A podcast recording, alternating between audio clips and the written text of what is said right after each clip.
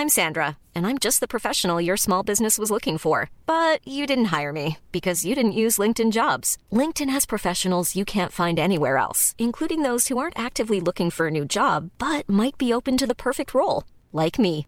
In a given month, over 70% of LinkedIn users don't visit other leading job sites. So if you're not looking on LinkedIn, you'll miss out on great candidates like Sandra. Start hiring professionals like a professional. Post your free job on linkedin.com/people today. Want flexibility? Take yoga. Want flexibility with your health insurance? Check out United Healthcare Insurance Plans. Underwritten by Golden Rule Insurance Company, they offer flexible, budget friendly medical, dental, and vision coverage that may be right for you. More at uh1.com. Systrarna Elvstrands hästpodd är producerad av Media House by RF. Hej allihopa! Hej! och varmt välkomna till systrarna Elfstrands hästpodd avsnitt 122. Ja, varmt välkomna. Jag som pratar nu heter Emma. Och jag som pratar nu heter Anna och jag undrar ju varför detta awkward början Emma på avsnittet? Nej, jag, jag vet inte. Jag bara fick för mig att uh, mix it up a little bit. Okej, okay, ja det kanske vi ska börja så här 122 avsnitt ja, in. Exakt. Hur mår du? Jag mår kanon. Alltså, vi har ju varit på gymmet nu på mor morgonen Anna. Mm. Och jag kände mig så seg och trött i morse, vilket jag har gjort nu ett bra tag de, de senaste veckorna. Men jag fick till ett så jäkla gött benpass så jag känner mig laddad nu inför den kommande dagen. Ja men alltså det är så lustigt det där för att ibland när man känner sig hur pigg som helst Mm. då kan det gå skitdåligt på gymmet. Ja. Och även tvärtom när man känner sig som en eh, halvdöd säl så bara eh, har man jättemycket energi när man väl kommer till gymmet. Det, det går inte hand i hand riktigt. Nej, inte riktigt. Så jag känner mig laddad. Vi har en redig jobbdag framför oss och sen ska vi rida alla fyra hästarna. Mm, ja men det ska bli jättekul faktiskt Mm. och eh, de sköter sig bra allihopa. Det gör de verkligen. Men hur är det med dig Ansi? Jo men det är bra. Jag känner mig lite sliten dock för att vi har ju haft eh, ganska mycket att göra den senaste tiden Ja. och eh, har inte varit något ledig överhuvudtaget. Nej. Vilket vi ju pratat om många gånger så här att alltså, vi har det ju hellre så här Mm. och jobbar med det vi verkligen tycker är roligt.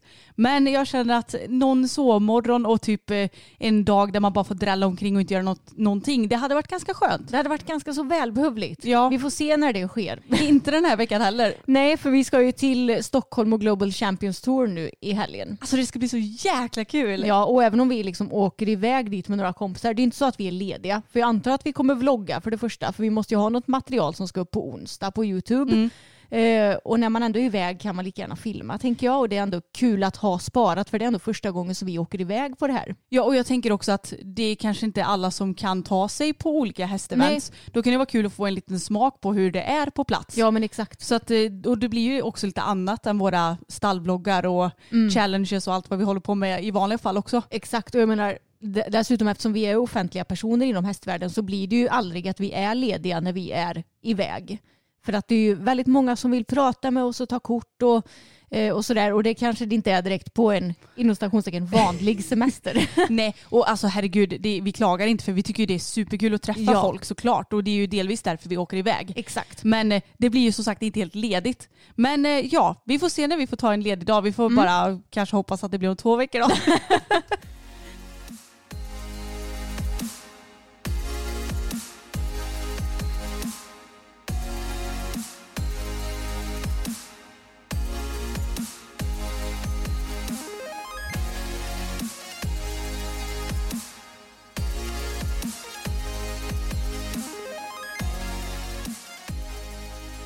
Okej Anna, men nu i helgen så har ju vi haft Pay and Jump här hos oss. Mm. Och det är ju så kul nu för nu är det ju inte längre någon pandemi som sätter käppar i hjulet för oss. Vilket innebär att vi äntligen kan ordna Pay and Jumps ja, men varje månad på sommarhalvåret som vi brukar. Ja, och man behöver inte säga till folk att ni får bara ta med en medhjälpare, ni får inte komma och titta. Exakt. Utan nu får ju vem som helst dyka upp tänkte jag säga. Mm. Så att det är jättekul och vi hade ju så mycket starter. Ja, jag räknade och vi hade 75 starter. Och då var det ju till och med några avanmälningar för samma dag. Mm, Så, precis. så hade vi inte fått de avanmälningarna, alltså vi hade ju fått 80 starter då. Ja, alltså det är helt galet. Vi, vi har ju typ fler eh, starter på vår PN Jump än vad det är på vissa lokala hopptävlingar här i krokarna. Alltså det är helt galet hur, hur eh, många folk som kommer hit och folk åker kanske flera timmar för att komma hit och eh, det är många som kommer hit även för att bara kika för att de tycker det är kul att se. Men alltså det är så härligt. Ja men alltså vi är så glada över att folk vill komma och delta i våra PN Jumps för Mm. att ja, men det gör det ju så himla mycket roligare att, att anordna när folk, ja men när det kommer ett helt gäng. Ja, verkligen. Och jag menar att vi ordnar PN Jumps det är ju också viktigt för vårt företag och vår ekonomis skull. För vi drar ju in ganska mycket på en sån här dag. Jag räknade och vi drog in 12 000 ja, igår nu. Mm. Och det är ju jättebra och viktigt för oss för att vi ska få allting att gå runt. Så det är väldigt tacksamt att folk vill komma hit och hoppa och eh, hjälpa oss att eh, ta ut en lite mer fair lön helt enkelt. Verkligen. Nej men det är så kul och det känns så roligt att äntligen kunna snurra igång ordentligt med det där. Och vi ska ju ha en i juli har vi tänkt. Mm. Men vi har inte riktigt kikat på datum. Nej. Men eh, ni får gärna gå in och gilla Älvstrands häst på Facebook för att där lägger vi alltid ut ja, men propositioner och sånt där. Och vi befinner oss i Västergötland. Ja, vart ska man säga att det ligger? Mitt i Västergötland, i Ja. Vara. I Vara, Mm. ja det är det ju. Så att då har ni lite koll om ni har möjlighet att komma. Så Mm. ja, vet ni vart det ligger någonstans? Ja, exakt. Och i och med att vi har haft PN-jump så har ju vi haft uppe banan ett par dagar tidigare så att vi själva skulle hoppa. Och den är även uppe nu den här veckan och vi kommer ha upp en bana nu den här veckan. Så in och gilla Älvstrandset för där finns det information ifall ni vill komma och kanske träna på lite tittigare hinder och sådär. Så vet ni om att det finns en bana här hos oss. Mm, precis, och vi passade ju på att hoppa tjejerna. Ja. Alltså det var så kul. Ja. Jag snodde ju Bella från dig. ja, det gjorde du. Och du, var, du sa det att jag är lite nervös nu innan. Ja men alltså herregud jag är ju så ringrostig och jag ska inte hålla på och köta om det för att ni vet det vid det här laget. Men det är ju verkligen, alltså hoppning är som färskvara. Det är så himla Ja. mossigt att säga det men det är verkligen det. Så att jag kände innan, jag bara men gud det suger lite i magen på mig. Mm. Är jag så här nervös? Jag ska ju bara hoppa lite och det är ingen som har sagt att jag måste hoppa högt eller någonting. Nej. Det kanske hon inte ens ska göra än. Så att jag fattar inte varför jag var nervös. Nej, och det gick hade, ju bra. Ja, jag tänkte att det hade du inte behövt vara för det gick ju hur bra som helst. Ja, Hon- jag tabbade mig några gånger men. Ja, men det löser gnällsan. Hon är inte så knusslig. Nej, alltså hon är så rolig för att ja, men jag tyckte att jag fick en bra känsla i början när vi bara hoppade fram på lite låga hinder och sådär och hon kändes väldigt med mig. Och sen så när vi skulle hoppa banan då skulle jag styra på första hindret och den, det låg lite halvt snett igenom och så kunde man ju eller det var ju en oxer rakt fram också kan man säga som var på långsidan på relaterat avstånd. Och då när jag skulle börja vända upp mot det här ettan då hade hon så kort och stampig galopp. Så jag bara, vad är det här för galopp egentligen? och det kändes som att hon bara, vilket hinder ska jag ta? Hon sög liksom mot båda hindren och jag bara, det är det här vita. Hon bara, är det inte det blåa? Alltså hon kändes helt så här förvirrad. Och då blir jag jätteförvirrad och då gjorde vi typ ett jättekonstigt stopp. Och jag bara, vad fan gör jag? Ja, det, det såg inte jättesmidigt ut. Nej det var det verkligen Nej. inte. Men sen så gjorde vi om och gjorde rätt och då hade hon fortfarande den här lite korta galoppen. Men sen insåg jag när jag hade hoppat ettan och tvåan att hallå jag måste ju ha lite mer galopp. För då gick ju eh, trean, fyran, femman, sexan, sjuan väldigt bra. Precis. Men sen så kommer jag på sista hindret som var lite, alltså det står ju också lite halvt snett igenom men man, man ska rida på spåret en ganska bra stund innan man vänder upp. Och då är det kanske bara några galoppsprång rakt fram innan man hoppar. ja. Och jag bara, mm, så kommer jag så här på spåret. och så ni vet hur det är när det är ganska långt mellan två hinder, då blir det lätt att hästen blir lång. ja. Och jag tog ingen halvhalt utan istället så försökte jag typ driva på henne Ja, som skulle det- hoppa av så tre meter innan hindret. Det såg väldigt kul ut. Som tur var så var ju Bella smart och la till ett till litet, litet språng. Och klarade ju hindret felfritt såklart för hon är ju en redig tös. Ja, men men jag fick så fin känsla däremellan och eh, det är ju bara min ringrostighet som gör sådana här grejer. Ja. Men det är ju inte världens katastrof, det är bara att jag hade ju önskat att jag hade ridit bättre. Ja, men jag tänker att vi, nu när banan är uppe så kan vi hoppa en gång till den här veckan. Mm, Så får vi träna på det. För eh, nästa vecka så är ju planen att jag ska hoppträna Pebbles och du ska hoppträna Bella. Mm. Så vi båda behöver ju bli lite mer varma i kläderna känner jag. För jag har ju bara hoppat ja, men Pebbles en gång ordentligt hemma och det var ju när vi hoppade tillsammans. Men alltså det såg ju så sjukt bra ut för er. Ja men det kändes riktigt, riktigt bra och grejen är att veckan, ja, samma vecka som vi fick hem henne så red ju jag lite markarbete på henne med bara några små studs på typ 50 centimeter och sådär och då red vi ju henne på ett tjockt tredelat bett. Inte det bästa bettet att eh, rida och framförallt inte hoppa en häst som blir åt det hetare och starkare hållet. För hon blir väldigt het och stark i hoppningen mot vad jag är van vid ska tilläggas. Ja. Hon är, det är säkert inte hon är säkert inte jättehet och jättestark egentligen men jag är van vid ja, men typ Bella och Boppen som båda två var jättemjuka i munnen. Var slash är Bella, hon lever ju i allra högsta grad men hon är ju väldigt så här, mjuk i munnen och hon är pigg men hon är ju väldigt jämn så sätter jag en galopp på henne då håller hon ju den galoppen hela tiden. Ja hon rinner ju aldrig iväg. Nej precis. Om man Eller inte... aldrig kanske man inte ska säga men, Nej, men så, länge, inte. så länge man inte gör något litet misstag själv då, som Ja, du gjorde till exempel.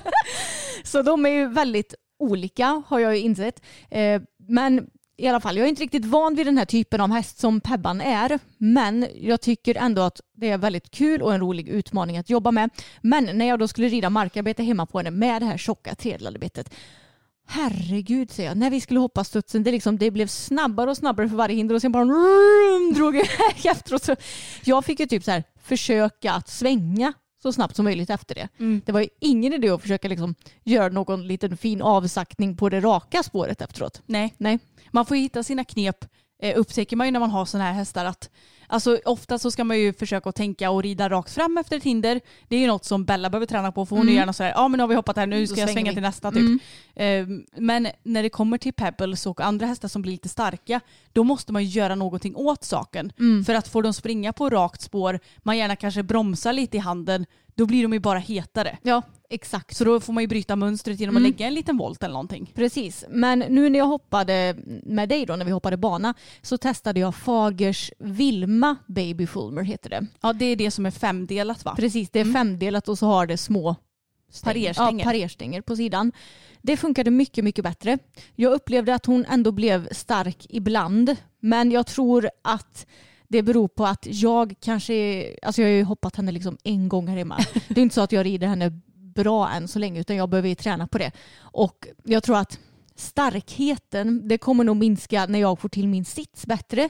Jag är ju så van vid att stå ganska mycket upp i lätt sits. För jag står ju ganska mycket upp på Bella eftersom hon är så jämn i sin galopp och jag trivs ändå med att vara lite lättare i sitsen när jag hoppar. Ja och det, det passar verkligen på Bella också. Precis, så jag är så inpräntad med den här ridningen men nu måste jag ju alltså, förstå att jag måste faktiskt sitta ner nu mellan hindren på Pebban för att annars om jag står upp, det är klart som tusan att hon drar iväg. Även om jag tar halvvalter i tygen så lyssnar hon på min sits som säger framåt. alltså det är ju klart som korvspad egentligen men när den här sitsen är, den sitter ju liksom i ryggmärgen på mig. Så jag måste träna på det. För jag har ju eh, kikat på filmer när Elin, hennes förra ägare, red henne. Och jag ser ju på de filmerna att Elin hon sitter ju kanske bra mycket mer ner i sadeln än vad jag gör. Så jag måste apa efter den ridningen lite mer för att ja, få till en bättre rytm och lite mer kontroll inne på banan med pebbles också. Ja och kanske i synnerhet nu i början innan alltså all kommunikation sitter där den ska. För det inser jag jättemycket nu. Jag red dressyr på Pebban i, i helgen och då så kunde jag ju sätta en förvänd galopp på henne nu. Ja. Det kunde jag ju inte på provridningen. Nej, exakt. Alltså det gick ju inte ett enda steg innan Nej. hon bytte. Och det är så här, det är ju inte att Pebbles inte kan förvänd galopp. Det handlar ju om att hon inte förstår mina signaler. Nej. Och det är samma som att Elin sa ju att hon har ju typ provat på någon lite så här byteserie med henne. Mm. Eh, och jag kan ju inte göra ett rent byte än. Mm. Men det är så otroligt mycket kommunikation i ridningen. Mm. Att man ska sätta det här att ah, du vill ha det så här. Det handlar inte om att hästen inte kan. Eller att jag inte kan för den Nej. delen heller. Och så det är ju ändå spännande nu när man fått hem en ny häst att man Mm. inser sådana saker. Ja, För att på våra andra hästar så känns allt så självklart Mm. oftast nu. precis. Vi har ju ändå haft dem i minst fyra år liksom hästarna. Precis. Ja, men eh, hoppningen med Pebban det gick i alla fall alltså, betydligt bättre än vad jag trodde. Eh, det kommer komma upp film på det här imorgon för övrigt så då får ni se också så att ni förstår lite mer vad vi pratar om. Eh, jag tyckte att vi fick till bra flyt eftersom hon har sån himla bra bjudning mot hinder och är så himla framme för skänken så är hon väldigt lätt att lägga på hinder. Mm. Så det är en stor fördel med henne. Och jag pratade ju dessutom om att jag hade lite svårt att hänga med i hennes språng på provridningen. Men det upplever jag inte alls nu utan nu tyckte jag att jag hade väldigt bra balans över hindren hela tiden. Och jag red ju i fokus sadelarna. Ja, du är lite kär i den va? Ja men jag är kär i den och det känns som att den passar väldigt bra på Pebban. Och det är ju en Pessoa Amo heter Mm. det va? Mm. Och jag gillar den sadeln jättemycket för den har liksom, den har bra stöd men så man får en naturligt bra sits känns det som. Mm. Både när man typ sitter ner och rider lite dressyr, för det gjorde jag ju förra veckan och det ligger ju redan uppe på Youtube. Och när jag ser den filmen så tänker jag jäklar vad snyggt jag sitter, det brukar jag inte göra. och det beror ju dels på att sadeln sätter en i en bra naturlig position men också att hon röjer sig väldigt mjukt så det är lätt att sitta på henne jämfört Jo. med Bella till exempel. Men jag gillar verkligen den sadeln för att jag tycker att den har en väldigt tydlig tyngdpunkt Ja, på något exakt. vis. Att så här, här ska du ha dina skänklar och då är det enklare att trampa ner hälarna också Mm. tycker jag. Så jag älskar verkligen den sadeln också. Ja. Jag tycker man får en god balans i den och Mm. Det behövs på fokus kan man säga när man hoppar och håller på. Alltså, det är inte svårt att hänga med i sprången och sådär men han är ju rätt så kvick ibland när han Ja. får för sig att vissa hinder är läskiga och sådär. Ja. Jag har ju tuggat grus någon gång.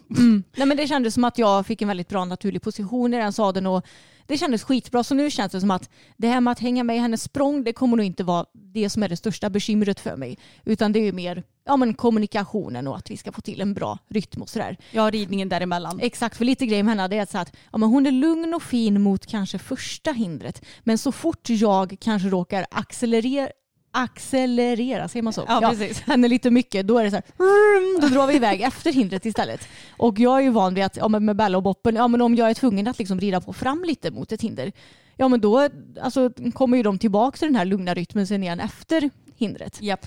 Men det, är- ja, det är en rolig utmaning. Jag behöver träna för att bli bättre och för att anpassa mig på de här två olika hästarna som jag har nu. Ja, och det är ju absolut långt ifrån katastrof. Det är ju fortfarande väldigt bra nu. Ja, alltså Men det jag, kan ju bli bättre. jag har ju sett filmen, jag tycker att det ser bra ut men det, jag ser också mycket som jag kan förbättra. Ja. Men det är väl så det ska vara så här i början antar jag. Ja, så är det ju. Men jag hopptränade ju också Bella förra veckan. Ja, så hon fick faktiskt hoppa två gånger. Jag sa det till Emma, det kanske inte är optimalt men jag måste faktiskt träna lite inför våran träning. hon tycker det är så kul så hon fick ju inte hoppa någonting för två veckor sedan. Nej, Anna. alltså skoja inte, hon tyckte det var så kul. Hon har nog aldrig varit så pigg när vi hoppat någon gång hemma Nej, tror jag. nej. Men hur gick träningen då tycker du? Jo men det gick jättebra. Men jag insåg ju när jag hoppade upp på henne för då hade jag ju mest ridit Pebban dagarna innan. Mm. Och Pebbles hon är ju mycket, mycket smalare än vad Bella är. Hon är ju lite mer sportigare i modellen.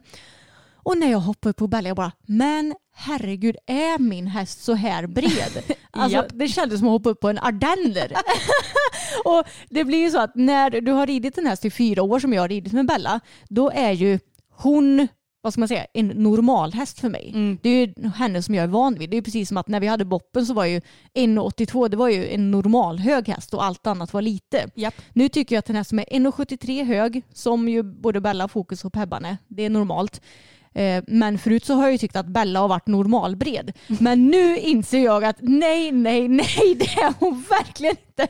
Alltså det kände, jag kände mig som Molly på Mulle liksom när jag satt upp på henne. Ja, precis när, när. Mulle hade ätit lite för mycket gräs. Ja, så här jättebreda ben och jag bara, men herregud hur... Ja, alltså, det kändes helt sjukt verkligen. Ja, men jag red ju henne mycket förr, eller förra, förra veckan Ja, det för. Mm. nu har vi ju precis bytt vecka. Och alltså jag hade ju typ träningsverk längs med höfterna och typ utsida lår efter Ja. att ha ridit henne tre dagar på samma Mm. vecka. Jag bara, hon är så bred men eh, samtidigt så känns det typ inte så när man väl är van vid Nej, det. jag vet. För jag har inte tyckt att hon har känts bred. Förrän nu då. Nej, så Bella Bulldozer, hon är bred och eh, eh, jag tänkte att jag kan dra lite olika vad ska man säga, skillnader som jag har märkt mellan Bella och Pebban. För det Mm. kanske är lite int- intressant att höra. Ja, för det första då, bredheten. Såklart, Mm. det har jag ju pratat om. Och det var intressant också för när jag provred Pebban i Bellas sadel då var jag tvungen att korta stiglädren ett hål. Och det är klart, för när jag, när jag rider breda Bella då blir det automatiskt att liksom mina ben hamnar bredare isär och det blir kortare typ. Du fattar Ja, vad jag menar? japp. Eh, sen så har vi ju då ja, men det här med rytmen som jag sa. Att Pebban hon är lite mer racerbil medan Bella hon, hon kan visserligen vara pigg. Men Hon är lite mer som en Volvo. Lite mer som en Volvo ja. Och sen så kommer det till styrningen. Pebban hon har ju haft problem att jag har lite svårare att svänga, att hon snarare glider ut i svängarna. Inte så mycket nu när vi hoppade hemma, men när jag, både när jag rider dressyr och eh, typ på provridningen hade jag lite svårt för att svänga henne. Medan Bella, hon glider inåt. Hon är riktigt inåtglidare. Hon blir rak och sen så bara hon uh, vänder inåt. Japp. Och sen också munnen. Bella hon är ju superkänslig. Mm. Det är nästan aldrig som hon blir stark. Det kan vara om hon är lite trött någon dag så att hon kan upplevas lite tung i handen. Mm. Men hon blir aldrig stark. Hon är jätte, jättekänslig. Medan Pebban, ja hon kan bli väldigt stark ibland. Ja men hon kan lägga sig lite mer i handen. Ja, precis. Och det är ju som sagt säkerligen mycket kommunikationsfråga också. Men Mm. jag tror att när vi fått mer koll på dressyren så kommer det säkert att ja, men bli väldigt mycket bättre. Precis, jobbat eh, mycket övergångar Mm. och även jojo-leken från marken. Mm. För den eh, har ju Bella bra koll på. Vem vet, det kanske är därför som hon lyssnar så pass bra tillbaka. Då. Mm. Och sen när det kommer till deras stoigheter, det har vi ju nämnt förut också. Men Bella hon är ju asexuell, hon bryr sig inte någonting om killarna medan Pebban hon är hon är, lite mer, hon är en liten killtjusare Mm. kan man lugnt säga, går och skvätter. Nu har det varit lugnt ett tag men när hon kom hit då var det ju extremt. Verkligen. Och Pebban märker man ju ingenting på i Nej. ridningen att hon eh, brunstar. Nu Mm. har vi ju bara haft henne alltså, ett väldigt kort tag så det är Mm. klart att det är kanske inte så lätt att se just nu men jag vet att Elin sa ju det också att det märks absolut ingenting i Nej. ridningen. Och det märks väl inte på Bella heller men man märker att hon är lite mer spicy mot de andra hästarna. Ja precis. Och eh, Pebban hon är också mycket jämnare i humöret än vad Bella är. Ja. Eh, Bella hon är ju en liten bitch som ni ju vet och det, hon har väldigt mycket egna åsikter och mycket humör medan Pebban hon känns mer som en vallack tycker jag. Faktiskt. Så de är väldigt olika våra tjejer men de är också väldigt roliga på sina sätt för de är ju väldigt tydliga personligheter. Verkligen. Men alltså på tal om att de är väldigt roliga. Jag eh, såg ju en Insta-story häromdagen Ja just det. som pappa hade lagt upp. För Ja. då var han i stallet ganska sent i fredags måste det varit va? Mm. Ja, och då ligger Pebbles ner och eh, vilar lite i hagen men hon multitaskar så hon äter samtidigt. Mm. Så det här tyckte väl han var lite kul. Så då började han och ni vet i, på Instagram stories så håller man ju inne själva kameraknappen när Mm. man vill få film. Och då gjorde han det. Och sen så, så jag vet, alltså jag hör typ inte ens vad han säger. Nej. Men jag tror att han inte riktigt kommer på vad hon heter. så han säger så här, nej men ligger du ner och äter eh, Pelle, Ble-" alltså jag vet inte vad han säger. Det är liksom inte Pebbles, det är inte Pebban. Det kanske är någon Pella. Pella kan det varit Mm. för det är ju det som pappa kallar henne Mm. typ. Ja, Jag vet inte vad han säger. Och, och sen så rätt vad det är, då helt plötsligt så ser man hur han vänder på kameran och råkar filma sig själv. för man kan ju vända på kameran medan man filmar i Instagram. Mm. Ja, och sen så har han lagt upp det. Då kommer det en helt ny film. Då börjar han att säga men Pebbles, Ja, ligger du ner och äter? För då kommer han väl på vad hon faktiskt heter. Ja. Alltså han är ju så söt lilla pappa. Det var som att han skulle liksom göra om det här fast han glömde bort att ta bort det som blev fel. Ja, men alltså, det är så kul för pappa han är den mest tekniska Ja, personen jag jag, känner av alla människor jag känner. Men han bara, det här jävla Instagram, det Ja. går inte att redigera när man väl har Nej. lagt upp det. Jag bara, man kan ju ta bort stories men han fattar inte sånt. Alltså han är så rolig. Han liksom byggt upp ett helt affärssystem på egen hand på sitt jobb. Ja. Han är världens datanörd, kan hur mycket som helst om anteknik. Men Instagram! det är för mycket för hans Som på eh, riktigt typ så här åttaåriga barn klarar av. Mm. Det, det, det klarar inte 60, snart 60-åriga pappa som är den mest tekniska Nej. personen jag känner. Alltså det är helt sjukt. Alltså jag, när jag såg hans story, jag skrattade så jag grät. Och det roliga är att mamma hon har ju filmat av den här storyn på sin telefon. Vi kanske kan lägga upp den på Instagram. Adam. Ja vi måste nästan göra det Ja, så ni faktiskt. också får se. Systrarna Elfstrand heter vi där. Ja. Det kan hända att den bara hamnar i eh, storyn men då lägger vi den bland höjdpunkter. Ja, Podden precis. 2022.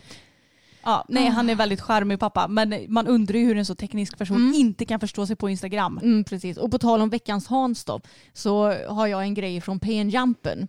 För eh, ja, då när det var typ så här, kanske 30-40 centimeter då kommer pappa fram till mig i sekretariatet och bara det här hade ju jag och Fokus kunnat hoppa. Va? Mm. Så han det? Ja, han sa det. Jag, bara, jag tänkte bara, alltså du har ju inte vågat rida över en bom på flera år. Men han, han, han har liksom fått för sig att han och Fokus ska kunna hoppa. Han har pratat om det hur mycket som helst innan. Jag vill hoppa Fokus och Fokus, han är så lätt att hoppa så jag kan väl hoppa honom. Ja, alltså det är så kul att han säger att fokus är så lätt att hoppa.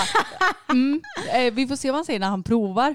Men det är klart att hoppar man så lågt så är det väl inga bekymmer. Nej. Men han hoppar ju ändå, han har ju en väldigt god teknik. Mm. Men samtidigt så är han ju ganska snabb över hinder så man behöver inte stå så länge. Det är det som är det himla bra med honom. Ja. Men eh, jag måste ju få pappa hoppa honom någon gång. Ja. Och jag tror att jag snart kommer kunna börja hoppa lite grann för Mm. att eh, benen ser så pass bra ut. Men eh, han håller på och tjatar ihjäl sig på Ja. mig också. När ska fokus få hoppa egentligen? Jag kan hoppa fokus om inte Mm. du vill hoppa fokus. Jag bara, det handlar inte om att jag inte vill. Det är att jag inte vill att han ska skada benen igen. Att han råkar typ skrapa upp något jäkla sår så vi Precis. får börja om igen. Mm. Nej, så att han, han är lite tjatig just nu pappa, men jag får väl helt enkelt ta och hjälpa honom att hoppa någon dag då. Ja, förut var det föl och unghästarna han tjatade om. Nu, är det, nu har han fått till på att han ska hoppa fokus. Ja, alltså det är många som frågar det. Hur går det med Hans föl? Ja. Men han har ju inte tjatat något mer om det. Nej, nu har det lagt sig. Ja, det kanske är också för att vi köpte en till häst. Kanske. Vi får hoppas på det. Jo men jag tänkte också på det på penjumpen att det blåste ju hur mycket som helst på penjumpen. Ja. Så jag tänkte att om du hade hoppats fokus i vår paddock pappa, jag tror att ja, men själva hindren hade inte varit några problem men på nedre delen av paddocken då hade, det nog, då hade han nog inte suttit kvar alltså. Nej, det är frågan. För Mm. På något vis, jag kan ju klaga lite på att fokus, det känns inte som att han riktigt eh, finner någon trygghet i mig. För ibland så blir han ju skiträdd för av typ obefintliga ting. Mm. Och jag bara, men alltså snälla någon, jag sitter här, jag klappar lite på det och ser att det inte är någon fara och ändå vågar du inte gå förbi. Mm. Jag känner mig lite eh, betrayed där på något vis. Ja. Men han har ju ändå på något vis lite trust. Alltså gud vilken mm, svengelska det blir nu. Men att han känner lite, vad fan heter det på svenska? Förtroende. Ja, förtroende för Mm. mig. Tack. Jag kan bara engelska idag. ja, ja. Eh, för att han går ju ändå bäst med mig i paddocken. Ja. Det får man ju ändå säga. ja det gör han verkligen. Sen är inte det så konstigt för jag har ju ridit honom bäst också. Nej, Jag kom på det att vårt gårdsspöke Sigrid, det måste ju vara askul för henne när vi har pay jump och det är liksom hur många hästar här som helst. Du, jag har tänkt på det också. Mm. Och det är ju bara ren tur att inte någon... Fast det, det kanske är så här, om man bara kommer till ett ställe en gång så kanske man inte hinner känna Nej, av så mycket energier exakt. och sånt. Det brukar ju vara så. Ja. Att när man har varit där ett tag, det är då som eh, problemen börjar komma. Mm. Det har ju varit samma sak med boppen på tidigare ställen. Ja, men precis. Det har säkert varit lite gårdsspöken där också kanske. Kanske. Mm. Nej, så att eh, vi får väl se. Vi får kasta upp pappa på fokus och eh, hoppa lite någon dag. Ja, och han måste ju få testa Pebban också någon dag. Ja, det kommer han såklart få göra. Hon är så snäll. Alltså Ja, det är helt sjukt. Nu har vi haft henne i snart två veckor.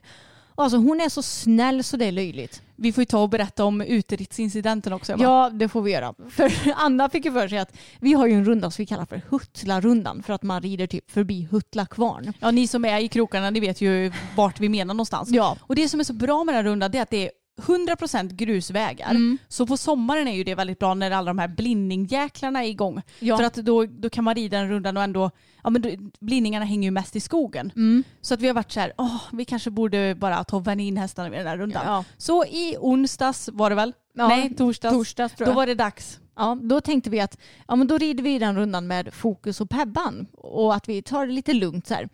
Och eh, bakgrundsfaktor och det är att alla våra hästar, eh, även Boppen back in the days, Mm. har ju hatat den här rundan och krånglat så in i bänken, alltså krånglat överallt, vägrar gå framåt. Fokus har ju backat ner i, de har väldigt djupa diken på den rundan så det är typ så här 70 centimeter vattenfyllt dike typ. Ja det har han backat ner i till exempel. Två gånger. Två gånger ja. Så ni förstår, det är väldans mycket krångel, ingen harmoni whatsoever. Men vi tänkte att nu ska vi försöka oss på det här.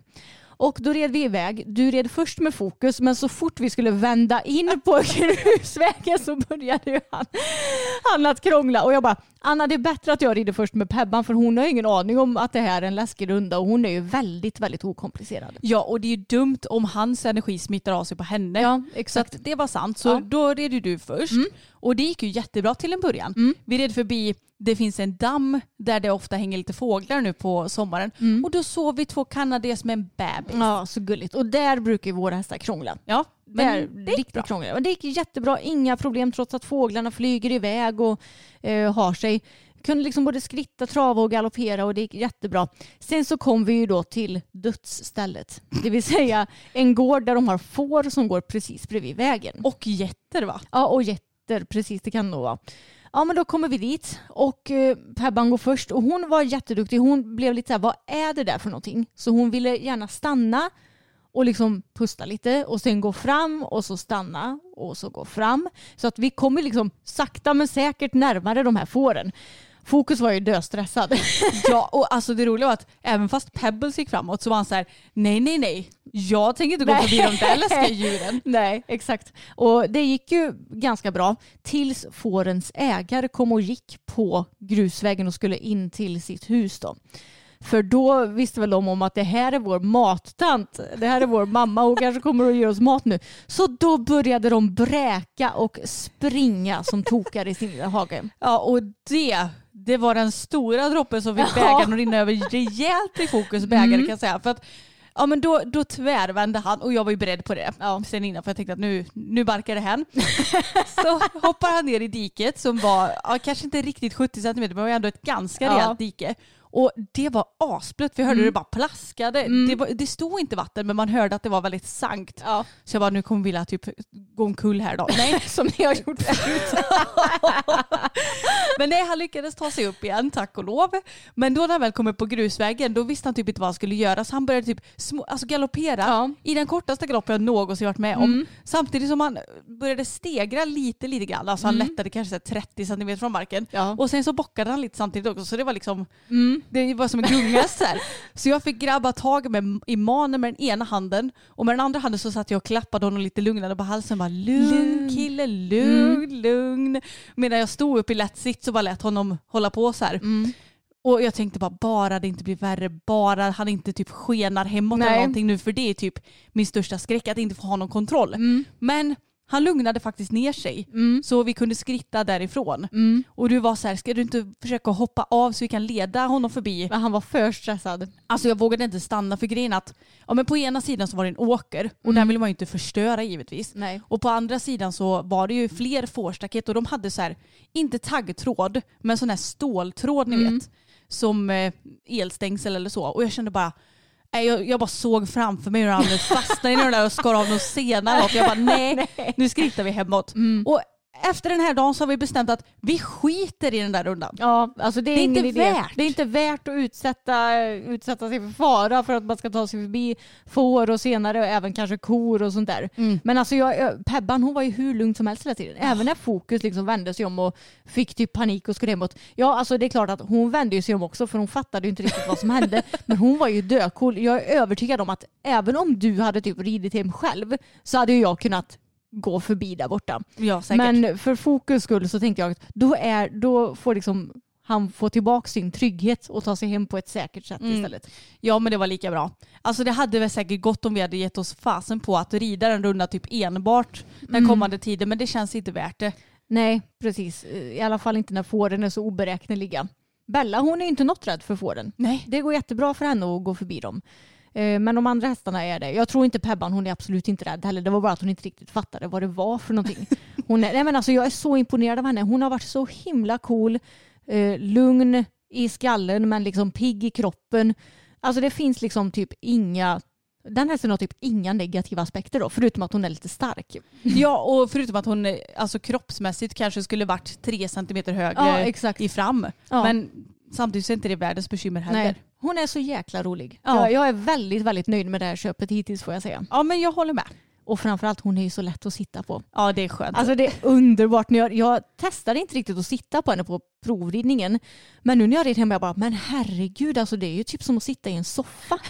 och när man är van vid att rida Bella och det enda man kämpar med är att sitta ner i den där jäkla studsiga traven och det känns som att man ska liksom studsa ur sadeln och man känner sig jätteosmidig och har, som att man har världens sämsta sits. Och så kommer man upp på pebban och bara det är det så här det ska kännas att sitta ner i traven. Det ska inte vara så jävla svårt som det är på Bella. Nej, och jag kan ju verkligen skriva under på att det känns så på Bella. Mm. Samtidigt som när man väl kollar på filmen så bara okej okay, det ser absolut Nej, inte så ut som det känns. Men känslan är så. Ja, och det är inte så kul att ha en sån känsla heller faktiskt. Nej, jag vet. Och man vill ju när man rider gärna fokusera på ja, men ridningen och inte bara liksom 99 procent att överleva och sitta ner i traven. Liksom. Hur, hur mycket får man ut av ridningen då tänker jag? Nej, men vad säger du, kommer det bli fler dressyrtävlingar på Bella nu då? Eller kommer du köra 100 procent hoppning på henne och sen eh, satsa lite mer med pebbles och fokus så vi får göra det tillsammans i så fall då? Ja, men det kommer säkert bli mer dressyrtävlingar med Bella också. Ja. Jag tycker hon är väldigt rolig men då får jag ju ge mig tusan på att träna på att rida mycket i dressyrsadeln och sitta ner och sådär också. Mm. Men det är klart att det kommer ju absolut bli mest hoppning. Ja. Det är klart det tycker ju både hon och jag är roligast.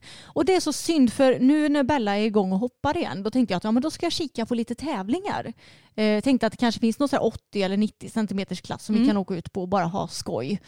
Men alltså det finns ju typ ingenting och sen så ska ju vi iväg nu den här helgen så då fanns det inget alternativ nu heller. Eh, helgen därpå är det midsommar. Alltså det känns som att vi har någonting typ varje helg.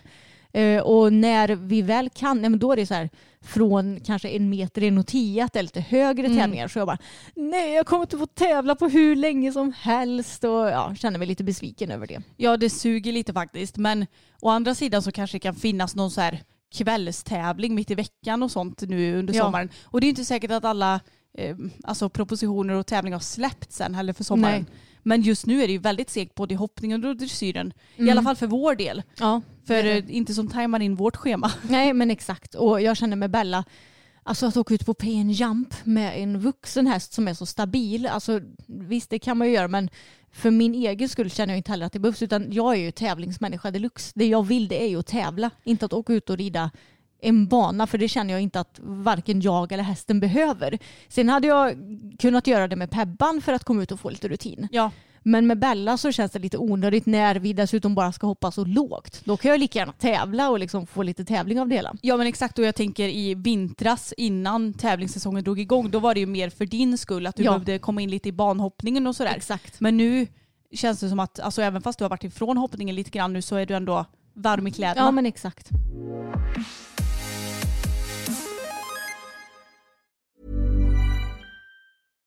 If you're looking for plump lips that last, you need to know about Juvederm lip fillers. With Juvederm Volbella XC and Juvederm Ultra XC, your lip look, whether it's subtle or bold, can last up to one full year with optimal treatment and no additional maintenance. Find a licensed specialist and see if it's right for you at juvederm.com today. That's J U V E D E R M.com. Add fullness to lips in adults over 21 with Juvederm Volbella XC or Juvederm Ultra XC. Do not use if you have severe allergies or a history of severe allergic reactions, or if you're allergic to lidocaine or the proteins used in Juvederm. Tell your doctor if you have a history of scarring or taking medicines that decrease the body's immune response or that can prolong bleeding. Common side effects include injection site redness, swelling, pain, tenderness, firmness, lumps, bumps, bruising, discoloration, or itching. As with all fillers, there's a rare risk of unintentional injection into a blood vessel, which can cause vision abnormalities, blindness, stroke, temporary scabs, or scarring. For full important safety information, visit juvederm.com. I'm Sandra, and I'm just the professional your small business was looking for. But you didn't hire me because you didn't use LinkedIn jobs. LinkedIn has professionals you can't find anywhere else, including those who aren't actively looking for a new job but might be open to the perfect role, like me. In a given month, over 70% of LinkedIn users don't visit other leading job sites. So if you're not looking on LinkedIn, you'll miss out on great candidates like Sandra. Start hiring professionals like a professional. Post your free job on linkedin.com/people slash people today. Okej, jag har fått lite olika utrustning skickat till mig. Eller ja, inte bara till mig utan till dig och mig. Men jag tror att det är jag som har fått upp ögonen för dem för att jag kanske är en smula bättre att kolla DMs än dig. Ja, ja men lite kanske. Ja, i- nu menar inte jag att jag, bara, jag är mycket bättre än dig. Vi har ju lite olika uppgifter i livet va. Precis. Men jag tänker att det ska bli lite intressant att prata om och jag tänkte att vi ska börja att snacka om ett högst intressant och eh, väldigt konstigt bett. Mm. Jag en fråga, ska vi lägga ut det här, bilder på det här på vår story också kanske? Ja, eller om vi till och med lägger det i inlägg. Ja det kan vi göra. För att det är nog kanske smidigare. Mm. Alltså grejen är att jag har försökt hitta lite information om det här bettet för Mm. att eh, ja, för att få lite mer Kött på kött benen. på benen. Ja, men det har bara funnits eh, information på engelska. Så Okej. att eh, jag får försöka översätta lite fint här också. Men själva bettet heter valsten sponge bit. Mhm. Och jag visar en bild på bettet nu för dig Emma. Ja, det ser ju ut som en svamp typ. Det är två bättringar och sen ser det ut som att man sätter som en svampcylinder i munnen kan man säga. Ja, har du sett det här bettet tidigare? Nej. Nej. Eh, och vi lägger såklart in bilder i på Instagram så att ni kan se det också. Mm. Och jag ska ta och läsa upp lite om själva bettet. Och det här är ett eh, tjockt bett med, eller det har ett tjockt lager av mjukt semi-porous foam som är, det är liksom en kärna av nylon. Sen så är det som eh, bettskivor också som är i foam, säger man skum Ja, eller? skum. Ja, och det är designat för hästar med väldigt känsliga munnar. Och det här betet är också bra för hästar som har ja, men kanske haft eh, lite skador i munnen och eh, att det här är en del av rehabiliteringsprocessen. Och sen så står det också att man skulle kunna, om man har något sår eller något i hästens mun så kan man doppa det här bettet i saltvatten för att främja läkningen. Och det här är ett eh, ja, one size bett som är 13,5 centimeter långt. Okej. Ja, och då när jag försökte att hitta lite mer information om det här bettet så fick jag upp en recension av Rayleigh Link, tror jag man heter. Eller man heter. Hon, Hon heter. heter. på YouTube om det här eh, foambettet då. Och alltså hon gav den största dissen till det här bettet någonsin. Okej. För att det är så tjockt och eh, hon provade det på sin egen häst som hon rider bara bettlöst med. Men sen så var det också någon kompis till henne tror jag som fick prova det här bettet på sin häst som normalt sett går på, jag tror det var typ ett baucherbett. Ja, okej. Eh, och alltså båda de här hästarna de, ga, alltså, de kunde inte ens stänga munnen. Nej. För bettet är så tjockt så att det blir att de går och gapar hela tiden. Det var, det var precis det jag tänkte också. Mm. Att det, det känns som att tanken är god. Men både det att det är ett one size, eller one size fits all bett och att det är så tjockt. Det, det, det klingar inte riktigt rätt i mina öron. Nej, verkligen inte. Jag, jag känner bara varför i hela friden är det så tjockt? Alltså Mm. det är ju jättetjockt. Och eh, hennes egen häst, den här Rayleigh, Mm. den bara gick och tuggade på det här betet. Alltså tugga och tugga och tugga. Den, det var som att den bara, vad är det jag fått in i min mun? Ja. Den såg så otroligt obekväm ut. Mm. Och hon sa det att alltså, nat- när, när jag rider bettlös på den här hästen så går, jag tror det var en han, Mm. väldigt naturligt i en bra form. Men nu när hon red på det här bettet så gick den som en stjärnkikare i princip och bara Ja, okej. ville bara komma undan det här bettet. Ja. Gick och gapade och kastade med huvudet och skakade på huvudet. Och det var likadant med hennes kompis häst. Mm. Att den gick också och tuggade väldigt mycket på bettet. Och inte på ett så här, alltså man, man, många säger att de vill att få hästarna att tugga på bettet men det var ju absolut inte på ett bra sätt. Mm. Så att jag, jag förstår inte det här bettets syfte. Nej, som sagt jag tror att det säkert går att göra något bra med den här typen av bett men då får man ju ändra drastiskt på säkerligen främst storleken och även utformningen av bettet. Ja, men jag, jag blir också så här, om det nu är till för hästar som är så himla känsliga i munnen, Mm. då borde man ju förslagsvis kunna ha alltså typ vad som helst annat för bett. Men att man har en extremt lätt hand. Mm. Eller bettlöst. Ja.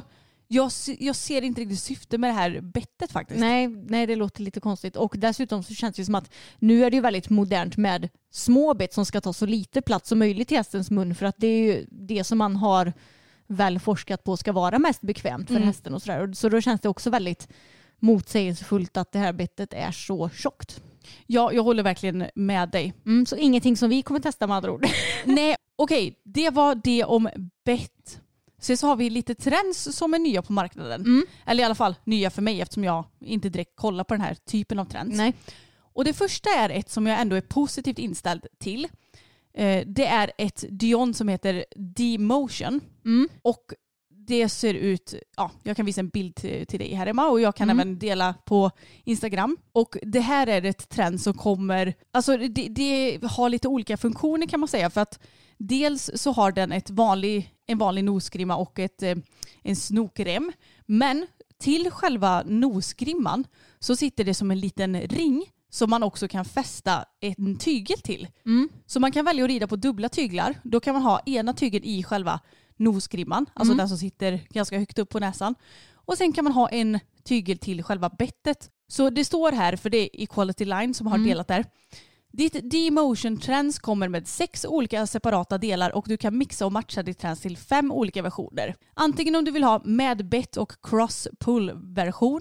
Jag vet inte riktigt vad det innebär men det är väl någon form av, det är väl säkert det här Ja. med eh, själva bettlösa grejen. Cross-pull-version, att man bara har själva bettlösa delen. Side-pull-version, klassisk version med bett och side-pull-version. Okej, det var ju det sistnämnda. Mm. Så det är verkligen, jag tycker det är kul att det kommer trends med lite olika, Multifunktioner. ja, och den som kanske var först på bollen med det, det är ju det här eh, Miklem-trendset. Mm. Men här känns det ju som att du får ännu fler tillval i ett och samma trends. Ja, och det var väldigt snyggt också.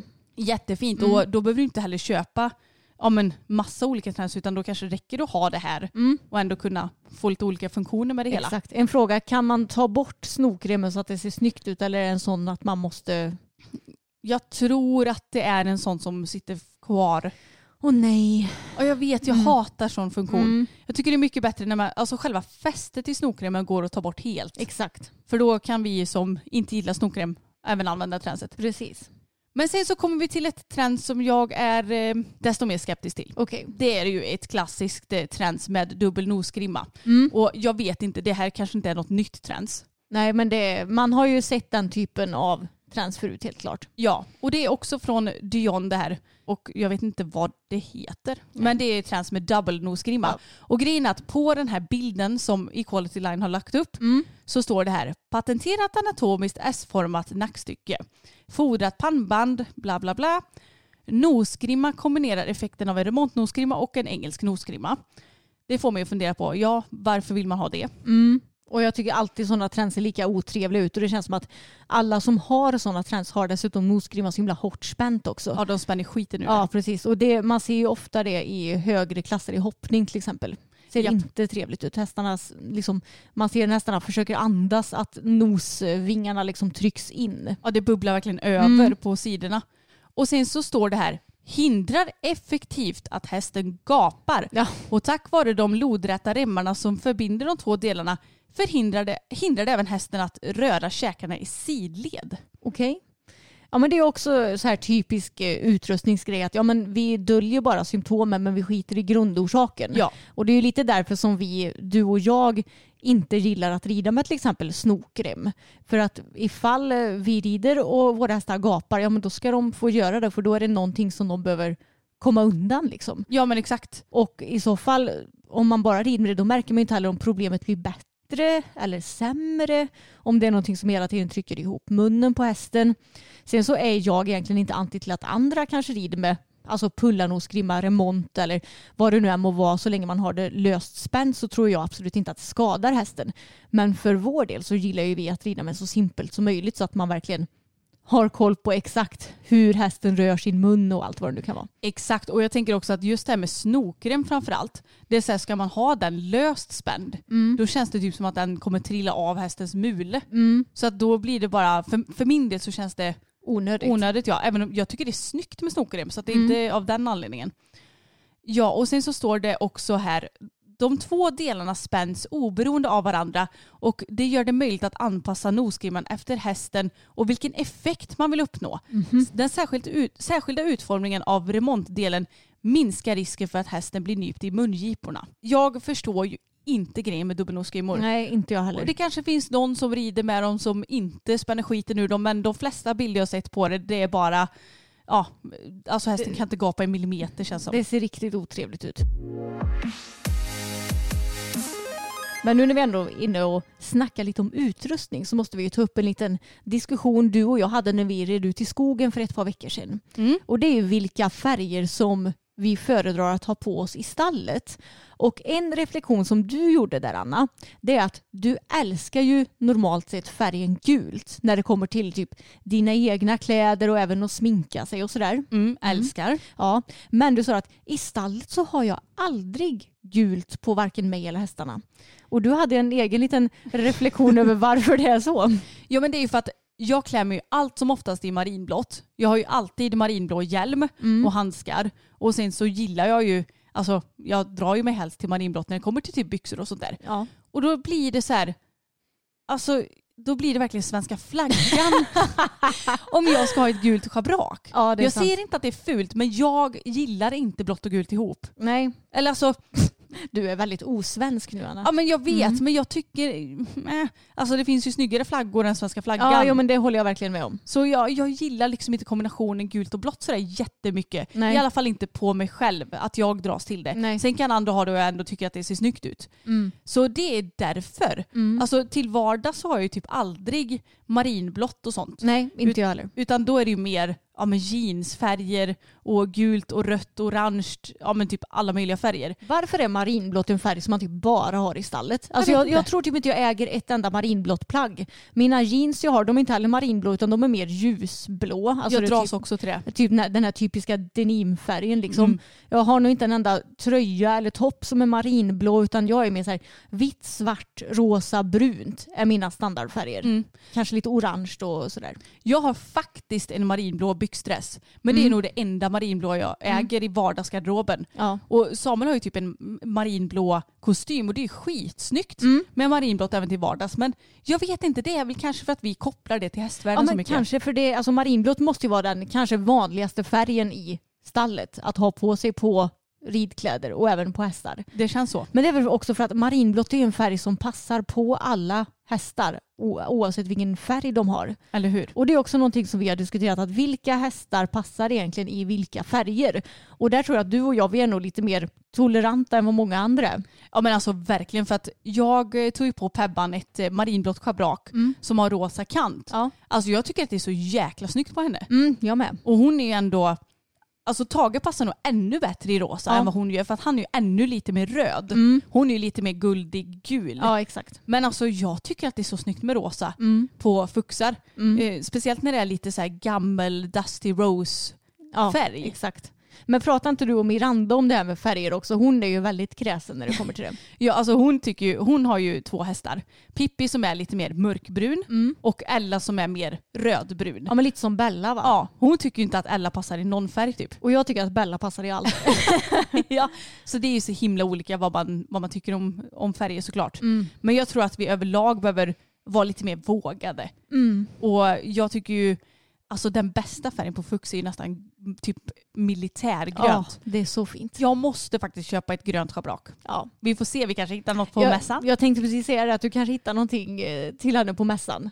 Ja, alltså jag älskar, mina, om man ska dra lite favoritfärg i stallet, jag älskar också ja, men militär skogsgrönt. Mm. Nu har jag ju ett nytt set från Success med ridbyxor och base layer, alltså topp i typ samma färg. Som Alltså är det är så snyggt. Ja men det är så fint och det är så fint när man har det på fuxarna också. Ja. Så det, alltså jag älskar den färgen. Älskar brunt och beige. Tycker jag också är Mm. jättefint. Eh, och sen, ja jag har väl kanske inte riktigt lika mycket marinblått som du har. Nej, Brunt, Du, beige och grönt. Eh, ja, det skulle jag säga är mina standardfärger i stallet. Även lite grått och sådär ibland. Men eh, jag tycker också att marinblått är väldigt fint. Men det är nog, eftersom du har så mycket marinblått så har jag nog gått lite mer åt det bruna hållet tror jag. ja fast du var ju inte så brun förut. Nej. Då var det ju bara svart som gällde för dig. Ja, men inte nu längre. Nu har jag typ inte ett enda svart plagg. Känns Nej. det som. Nej och inte jag heller. Jag har typ aldrig haft svarta ridbyxor. Nej. Men jag känner att det är ju också skitsnyggt Mm. för då kan man ju matcha med vad som.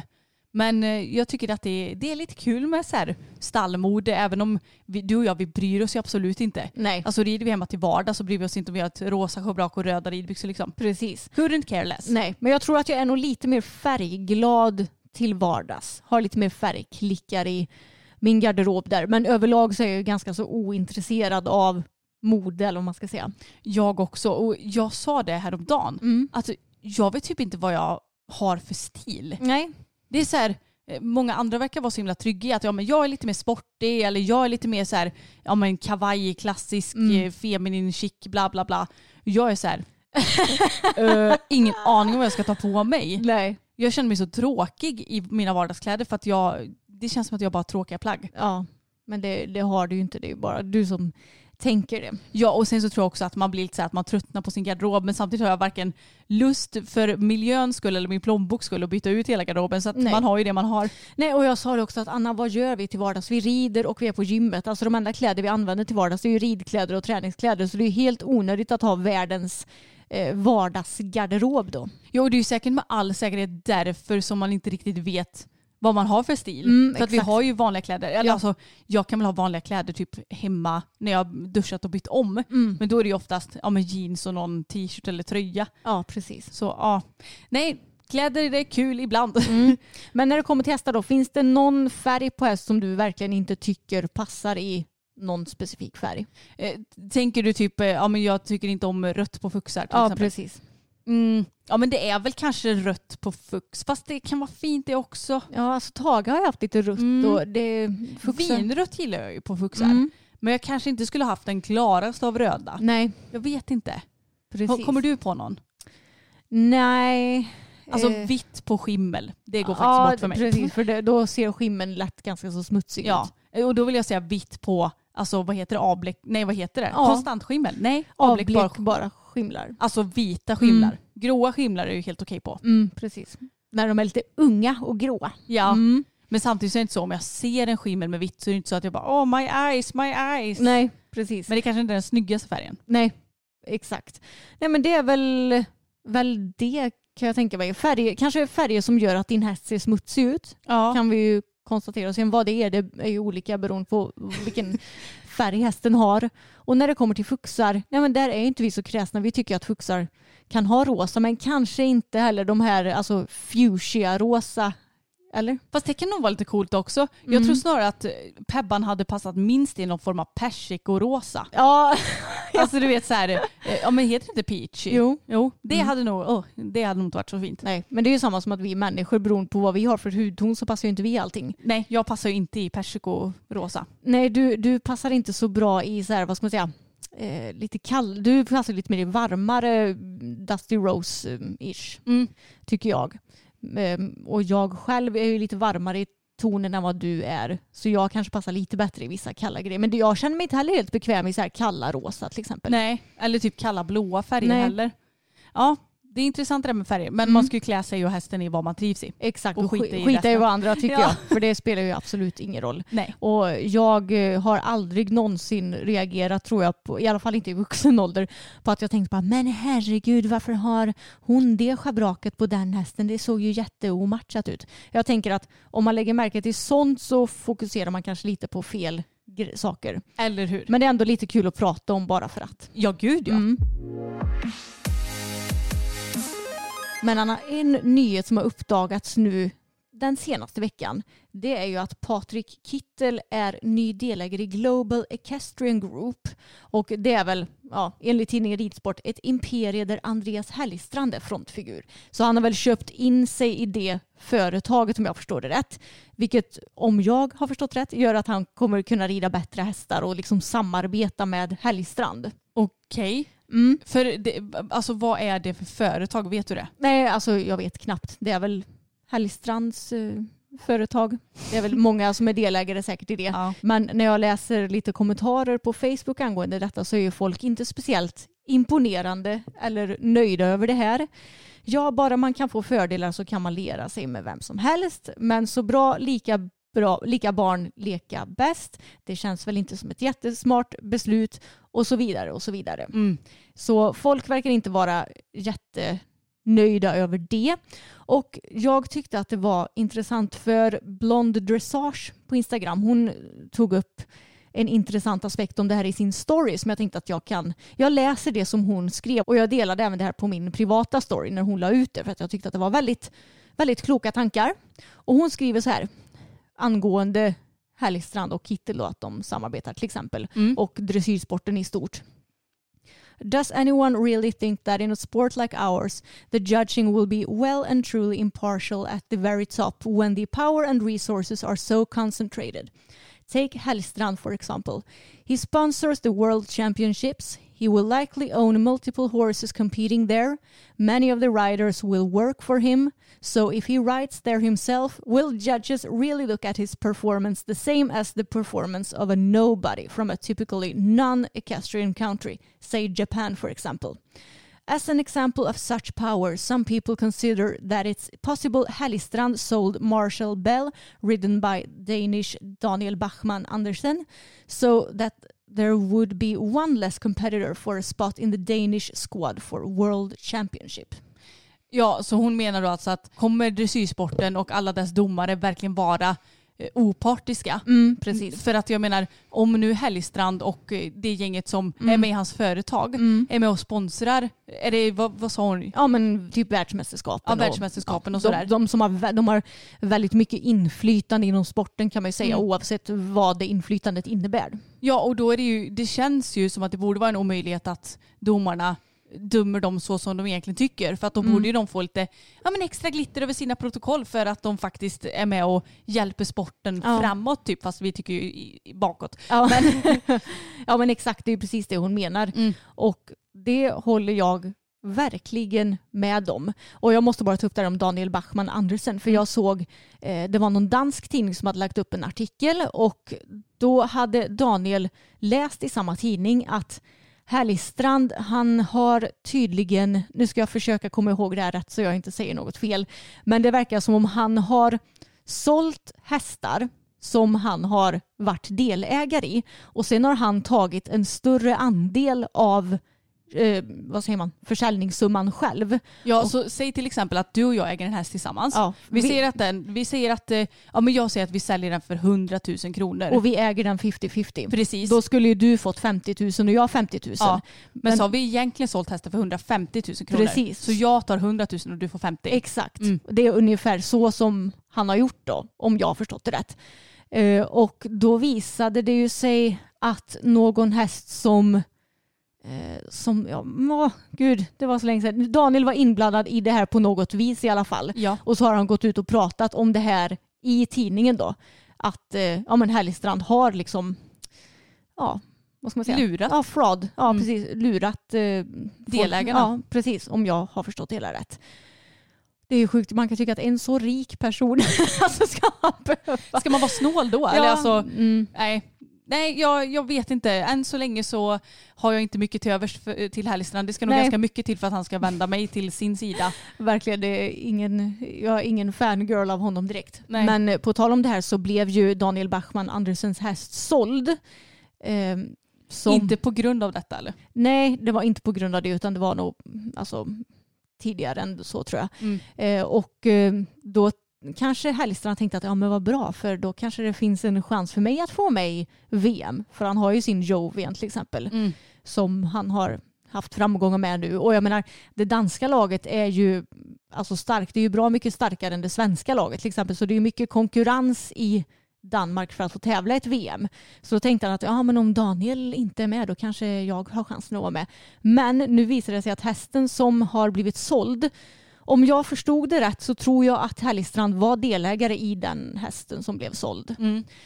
Men de nya ägarna de har sagt att de ska låta Daniel få tävla hästen nu under VM för att de tycker att han har ett så fint band med den hästen. Mm. Och det är ju väldigt snällt gjort av dem och jag känner, jag, jag blev glad över det för jag tycker att Daniel är en väldigt, alltså om man ska se till de danska ryttarna, nu vet ju jag väldigt lite om hur han tränar dem på hemmaplan och sådär, men om man ser till harmonin på banan så tycker jag att han är den bästa danska ryttaren i mina ögon. Mm. Av det lilla jag har sett. Jag håller med. Det, nu vet ju vi som sagt inte, men det som vi sett kan vi ju bara bedöma.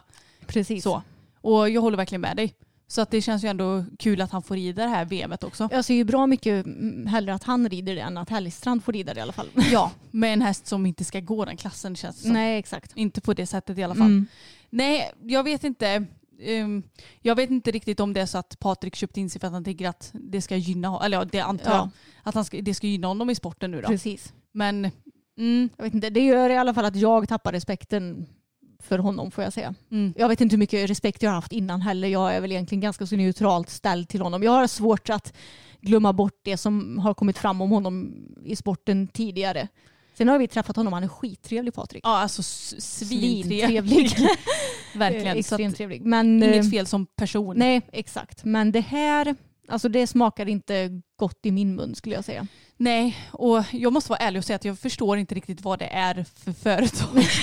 så jag känner mig lite lost i hela den här grejen. Jag vet inte heller Nej. knappt. Jag har bara... mm, Men man fattar ju det här med att det säkert ger Härligstrand fördelar i alla fall. För att ja, men han är ju stenrik och är väl med och sponsrar ganska många olika tävlingar kan jag tänka mig. Ja, precis. Och det är Patrik fördelar för att han får rida kanske ännu mer bättre hästar. Ja, för att han hamnar med i det teamet då. Typ, Ja, eller? och Mm. eftersom Patrik är en av världens bästa ryttare så gynnar väl det Härligstrand i sin tur. Så Mm. att det blir ju win-win för dem. Mm.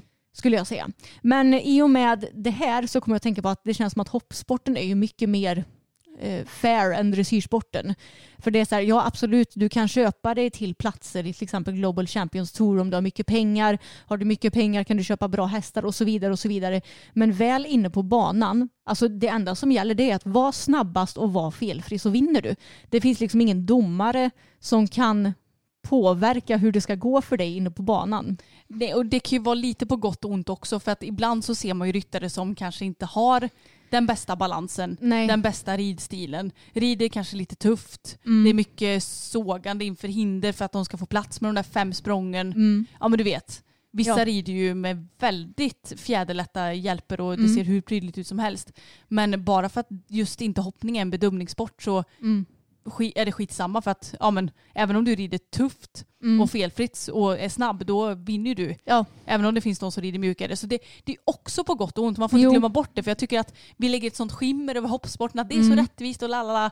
Jo, för ryttarna kanske ja. Mm. Men kanske inte för hästarna alla gånger. Nej, hästarna kanske blir mer drabbade många gånger. Och jag tänker också på alla mästerskap. Jag menar i dressyren om du kommer in och rider en Grand Prix på 60 procent då har förhoppningsvis inte hästen blivit speciellt negativt drabbad när de andra rider på 80-85 procent kanske Exakt. som är bäst.